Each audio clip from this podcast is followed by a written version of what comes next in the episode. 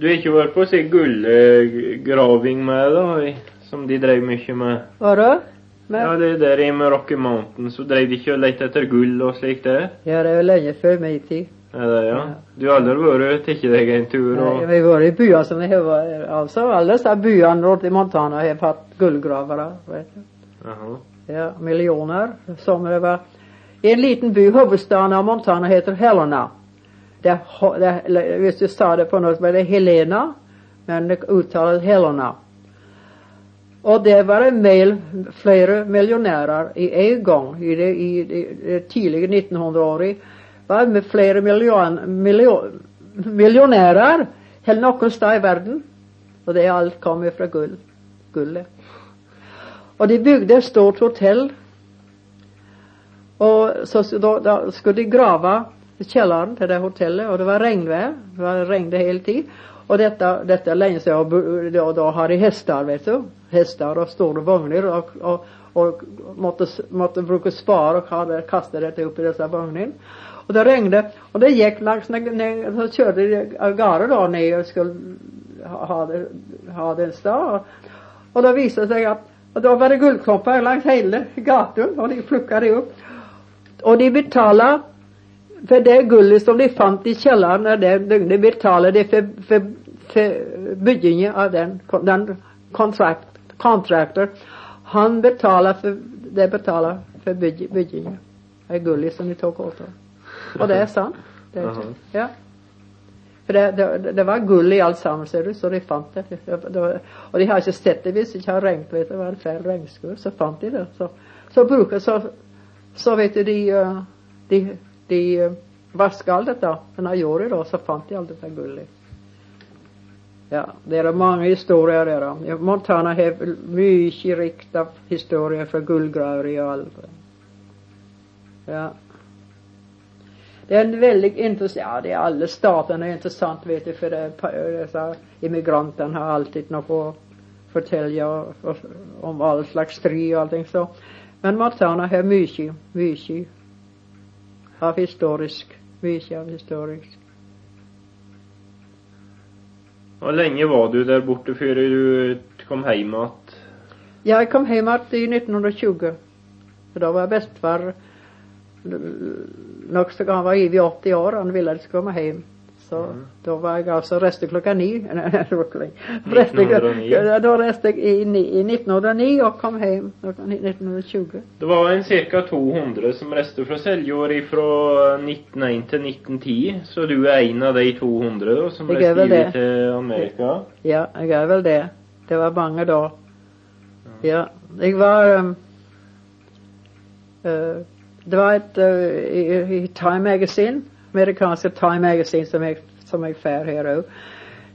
her i vinter så var det et bilde av uh, ei dame som har reist og Som står i denne, denne Du vet denne frihetsdama, vet du, som Ja, Frankrike gav, ja. gav til US. Ja. Uh, det var et bilde av, av, ei, av ei dame. Hun var 83 år. Og stod at, at, at hun kom til US, sa hun var 23 år. Så sa jeg Jeg, sa- jeg, jeg gav til Mar Margit Skrede, så sa- jeg skrev til henne og sa de skulle hatt meg i det bildet med, med Staten Islands, det som den, den frihetsstatuen er. For jeg kom i 1909. ja. Så sa jeg syns ikke det var noe, jeg, altså. Jeg, jeg må eh, snakke litt om disse immigrantene. Eksempel, jeg har ei, tante. Gunhild var født på Feten, altså. Og søsterfar. Og hun kom til Amerika. Hun var vel i 20-årsalderen. Hun ble gift og ble rike folk har stor gårdbruk. De har i 1909 og 10 og 11 og 12 oppi der, da har de 60 mjølkekyr. Og de kjøpte en okse på den tid som kostet 1000 dollars. Du ser det var rike folk. Det var mange rike folk der. da. Og det er nå akkurat det- Disse gårdene er akkurat som det var da jeg kom til Wisconsin. Ja, den fjerde, tredje og fjerde generasjon er på samme gårdene. Søskenbarnet mitt er to som har drevet store, store gårder. Men det var ulikelig ille, vet du, for det første for de som kom. For eksempel den tante Gålid, hun, glemte Norge. Hun ville ikke være norsk nesten. Hun kunne nesten ikke snakke norsk. Hun måtte bare snakke engelsk. Men i alle fall, da jeg vært i Chicago i en vinter eller et år, eller noe så, da var jeg liksom utdanna jeg da mer amerikaner. Da kunne jeg komme på visitt til henne. Og, så det var svært å ha silkekjoler og allting. Altså, og fint hus. Da har, da har de flytta Sønnen tok over gården, så de var flyttet i en liten by. Men iallfall den andre tanta mi, Aslaug Sandsdalen, som var altså søster til Margit Prestorius. Mor til Magne og alle disse guttene. Einar av Prestorius og det. Men iallfall, hun lengta så at hun nesten døde av lengsel. Du vet, hun var over 30 år når hun kom, så det var likelig vanskelig for folk som kom på den alderen. Og det var, ja, jeg vil si 90 av de emigrantene fra Norge lengter seg i hjel nesten. Det er somme som kan glemme det helt bort. Fordi de kunne det, men det, det var ikke naturlig. Det er ikke naturlig når norske folk å, å reise fra hjemlandet sitt og ikke, ikke ha lengsel. Men disse som reiste ut, ut på prærien Her kom de til de kan komme til Wisconsin. Det er det samme hva slags stat. Midtstatene. Illinois, Wisconsin, Minnesota og, og alle de Indiana, samme Ohio, alle disse statene. Der kom de til stater som har, som har vann. De har bekker og vann, og de har vilt, og de har skog. Harved. Fin, fin eik og år og bjørk Nei, så mye bjørk, men løn og alt slikt. Og der har de, der har de, der har de varme. Der har de mat. Du kan fange dyr, alle slags dyr, og du kan se dyr. Du har fisk. Og du har noe til å bygge huset med. Men i stedet for det så reiste de ut til prærien og fikk 320 acres av land fritt. Og der måtte de Der har de ikke ved. De har ikke vann. Hvis de var heldige, så kanskje de finne en brønn, men ellers måtte de kjøre langveis ved å få vann. Og bygde seg ei jordhytte. Hytte som norske folk ikke tenkte på, det vet jeg ikke. Jeg har alltid tenkt på det. Hva i verden tenkte de på? Å reise fra stater som det var, alt dette, og så reise ut på prærien. Og reise fra et land som Norge, og så ta seg til for slikt. Dette her var hundrevis av det gjort, vet du. Jeg har mange skyld for skog ja. Altså tanta til Kjetil Skåland. Olav. Ja, det blir uh, Olav Skåland. Han var søskenbarnet til far din. Altså Kjetil Skåland nå. Han er tremenninger med deg. Han er, han er min tremenninger med meg. Men så allikevel har han har søster Signe hun er til Det Til Fargos. Så jeg blir litt skyld, jeg òg, da? Eller, eller er det faren min? Ja, det. Ja, altså bestefar um, Altså um, Bestefar til far din var bror til, til min bestefar Ola Sonsberg. Og det var Kjetil Hyttebekk, altså. Det var langbestefar din der. Ja. Og Ambro Skoland han er bestefar til Kjetil Skåland der nede, som jeg bor der på skolen nå. De alle kommer fra Sonsberg og Hyttebekk. Det er oppfostret på Sonsberg. Og så fikk den ene, altså Bjørn, han fikk, han fikk i arv fikk han Hyttebekk, han og søster Margit. Og de flyttet til, opp til Bekkjus i Mandal. Og de, de solgte Hyttebekk, altså. Men, men, de var alle oppfostra på, på Sundsball. Du har stor gard en gang i verden. Så du har skyld meg, ja, hvis dere skylder meg. Men uh, så jeg tilbake som de sa, at det var alle trodde det var så, det var så lettvint å komme til Amerika at det var dollaren hang på treet, vet du. Det var noe feil. Jeg vet ikke hvorfor jeg, jeg gifter meg en mann som har homestead. Og det var altså i skog. Da måtte vi dyrke 11 acres uh, Det var ikke mye, vet du. Eh, Fire mål, var det sånn. Mye et år, acres, da. Eh, Elleve acres. Men iallfall, det er fire mål i en acre. Så jeg sier det var ikke så mye, men måtte dyrke det. Men det kosta fælt, for det var svære tre, vet du. Og, og måtte råte måtte, måtte, måtte øh, hadde jeg midt på disse, disse svære stuene og alt det. Så det kosta mye å, å dyrke jorda der. På prærien, vet du, de bare pløye det, men de har ingenting allikevel. For det var ikke slikt land. Nå er det vi er bra, altså, men alle de årene da var det tørkeåret. Det, det gresset, det, den prærien, var, var, for buffalo og, og, og, og, villkyr og villhester. Men de tenkte de skulle bli rike. Så, men, men de som ble rike, det er de, de, den tre, kanskje den tredje generasjonen. De andre bare, det var bare stryv og strev for dem. Det var forferdelig. Jeg, aldri, jeg forstår aldri hvordan de kunne tenke seg til å bo på flatt land som de ikke ser et tre.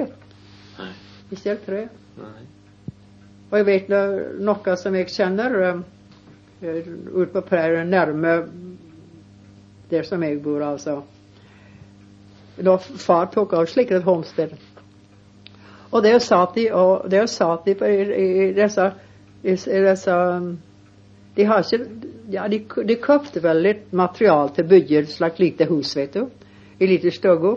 Og det var kledd med, med slik svart papir som du har i veggen, hva dere kaller det. Det er svart papir som du i millionveggen og slik. Byggepapir. Ja. Det har de ikke på, på innsida og på utsida. Og så måtte de, måtte de De har ikke vann, men de, måtte, de kan kjøre til Det var en, var en elv der. Nå er det en stor dam der nå.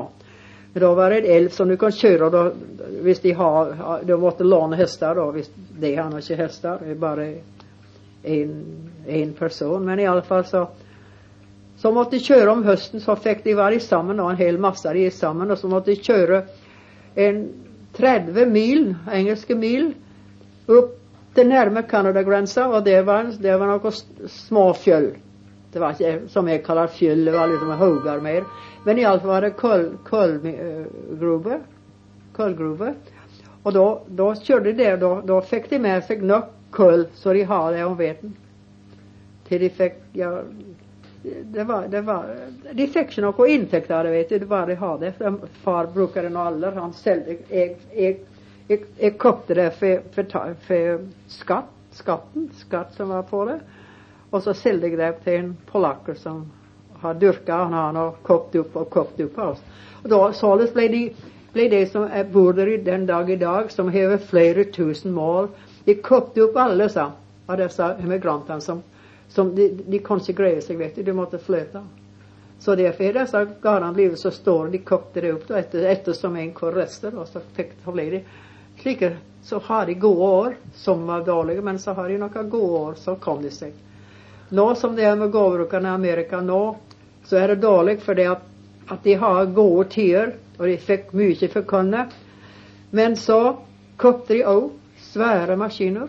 Det kostet 25 000-30 000 dollar. Så. Og så, de hever, så, er de, så er de i gjeld for det. altså. Så det er mange av de der nettopp nå som det er slik. For de, gikk, de kjøpte alt dette svære maskinene. Så det er en tvang, vet du. Men allikevel, da, når det er dårlige tider, så har du da har, du ingen inntekt, så der er du i gjeld. Men nettopp nå har det vært gode priser på kveitene opptil fem dollars. Så nå er det klart seg godt.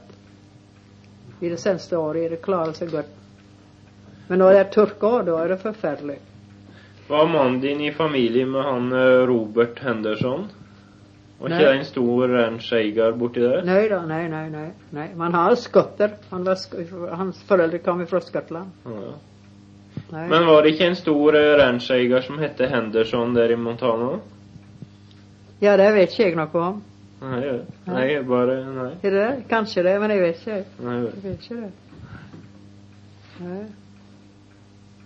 Uh.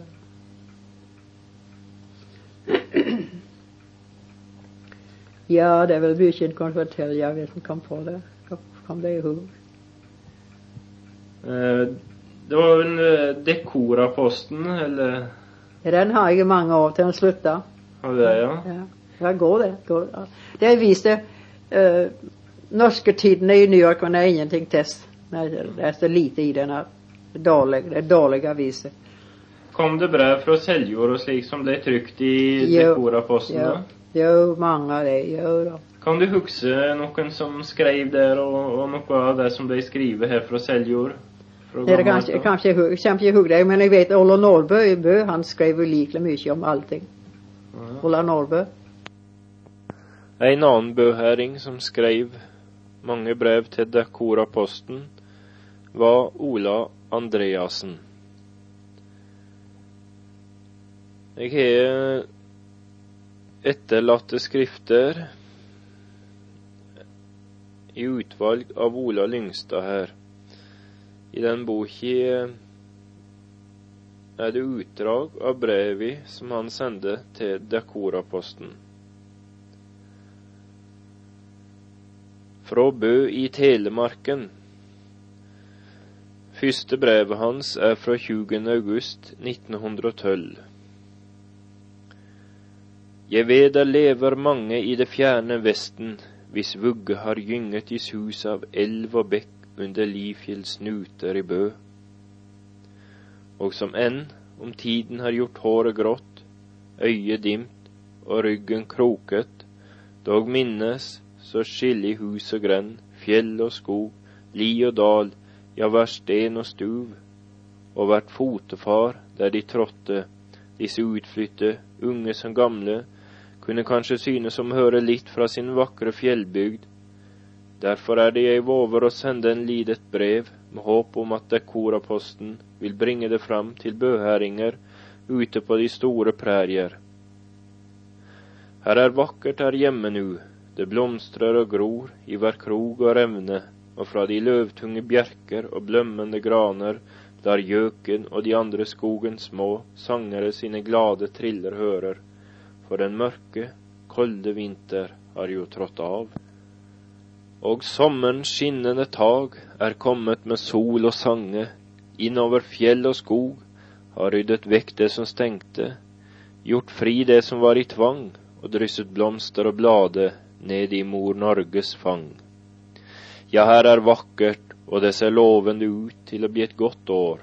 Regn har vi fått til Munas, riktig grunnbløyte, og etterpå har fulgt varme solskinnsdager, og så litt regn igjen.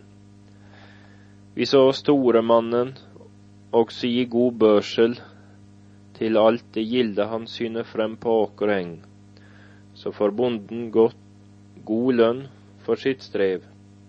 Til Langfjellene og Stølene på Lifjell har folk flyttet med feet, og der må være godt beite, for det er et gammelt merke at når lange fond under skår og fjell er så medfaren av solbrann at den ligger avskilt i tre deler, da er det rette tiden å drage til støls. Og nå er den mektige fond skrumpet inn til en liten, rund flekk, det lyser matt, lik en stivnet trolløye. Til Lifjell sanatorium og gårdene omkring i østlig Hein kommer byfolk farende nå om dagen. De vil leve den vakre sommerstund der oppe og samle krefter til kropp og sjel med å streife omkring i Lifjells natur før de vender tilbake til sin by igjen. Den tradisjonelle Jonsok-vake har ikke vært feiret her på mange år, før nå sistleden Jonsok-kveld, da ungdommen samles på Forbergåsen og tok seg en svingom. Men det var vel knapt med seg brask og bram som i gamle tid, da ungdommen fra ytre Seljord, Bø og Nes møttes på Vaken ved Oterholtbrua for å trå de eggene hallingdanse og springere som Gunnar mester og Gunnar Slåttdalen gav til beste. Mangt et stort ord ble da sagt, og høye rundkast spent, og tunge neveslag gitt, for de beste av bygdens karer måtte stå et basketak før de skiltes.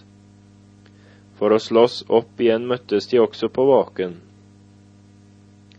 Torbjørn Aas og Gunnar Suttermo hadde slåss på Laskemoen i Nes, men utfallet var ikke tilfredsstillende, og de ble da forpliktet om å møtes ved brua og slåss opp igjen. Jeg møtte deg, sa Gunnar, men Torbjørn kom ikke. Men hadde han kommet, så skulle vi sleges. Det var godt mot, fast kjøtt og hett blod i bøheringene den gang. Men det var ikke bare slagsmål og vill leik på Vaken hell. Også litt gemyttlig var å se, helst om man på morgensiden gikk inn til Anders Garver, hvor slåttedølen da var plassert i høgsettbenken, og garveren, som alltid var så omsorgsfull, og han leskende tår til tørre struper, fylte i bollen og smattet og sa, Jei du meg, hvilken deilig bayer jeg har fått fra byen denne gang, Gunnar. Og slåttedølen smilte så lun, takket for skjenken, gjorde et strøk over strengen og sa, Nå skal jeg spela Siri Rukkan, den vene slåtten jeg veit du liker så godt, Andres. Lengre tilbake i tiden ble Jons og Kvaken holdt på Lifjell, har jeg hørt. Høystul og Jønbu var de valgte steder. Til Vaken på Jønbu var der nede fra bygden møtt frem en jente som var så brennende ven og så glad i å danse.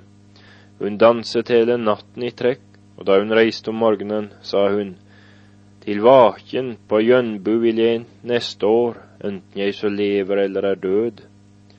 Hun døde den sommeren, og neste Jonsa kveld, da ungdommen tumlet seg hete og øre i dansen, ble de var den vakre jenten som svinget seg imellom dem og sang.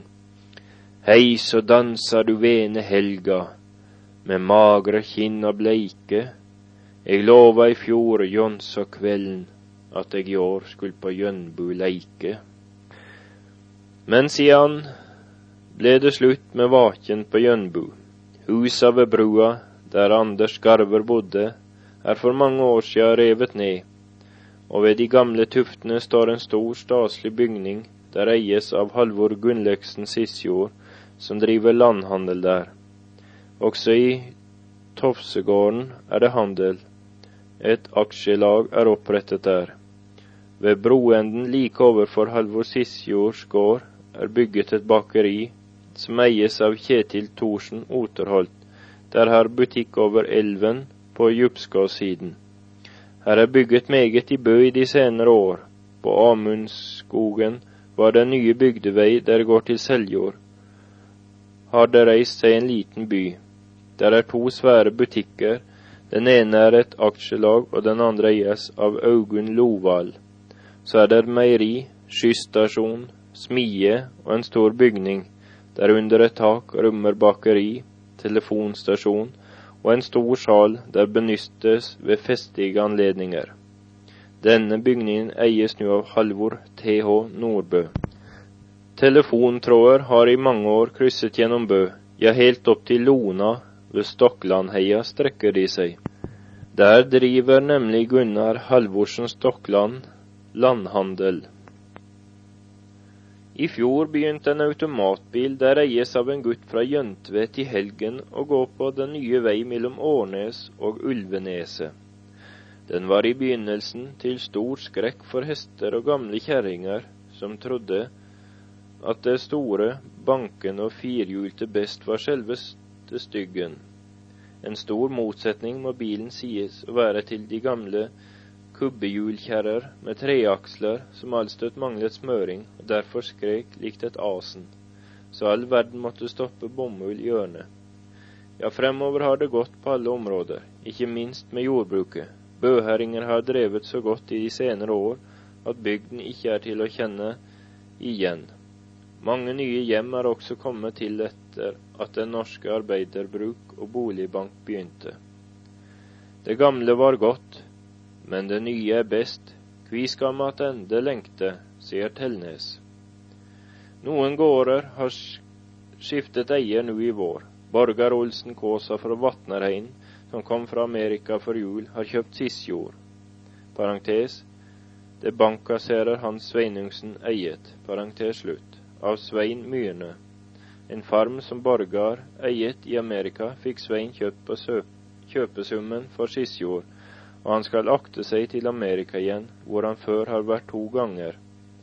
Kjøpesummen for Sisjord skal være omkring 19 000 kroner, og så har Anders O. Krosshaug solgt Tveiten på Stokkelandheien, parentes, der Halvor Nilsen Gunverskås var født, parentes slutt, til sønnen til Borgar Nilsen Brånene, parentes, Nu Tveiten, parentes slutt, og sammen med sin bror Thomas Årmot kjøpt Forberg av Hans Olsen Torstveit, som i vår overtok sin fars gård, Torstveit.